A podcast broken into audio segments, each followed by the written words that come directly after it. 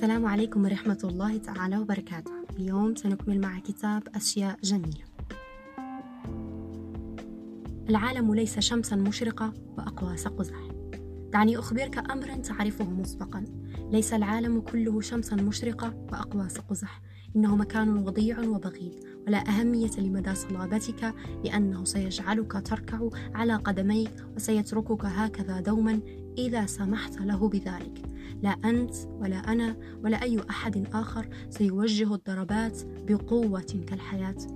ولكن ولكن الأمر لا يتعلق بقوة ضرباتها وإنما يتعلق بمدى قدرتك على تلقي الضربات ومواصلة التقدم في الوقت نفسه. يتعلق بعدد الصدمات التي يمكنك تلقيها دون أن تتوقف عن التقدم للأمام. هكذا يصنع المرء النصر. كلمتان صغيرتان.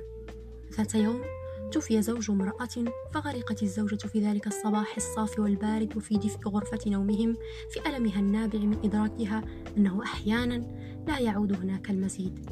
لن يعود هناك المزيد من العناق ولا المزيد من اللحظات الاستثنائية للاحتفال بها معا ولا المزيد من المكالمات الهاتفية بهدف الدردشة فقط ولا حتى المزيد من دقيقة واحدة فقط.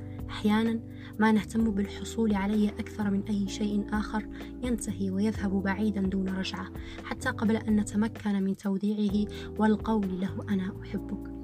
لذا من الأفضل حين يكون هذا الشيء بحوزتنا أن نحبه ونهتم به أن نصلحه عندما ينكسر وأن نداويه عندما يمرض.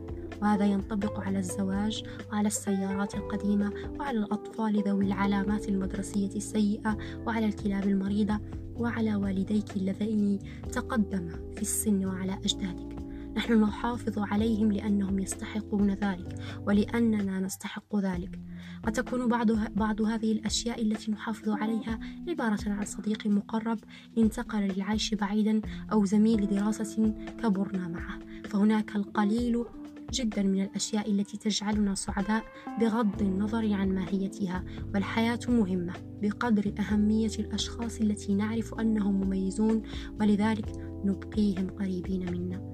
من المهم أن نجعل كل شخص من أصدقائنا وعائلتنا يعرف أننا نحبه حتى لو اعتقدنا أنه لا يبادلنا الشعور نفسه. سنذهل حينها مما يمكن أن تفعله ابتسامة وهاتين الكلمتين الصغيرتين.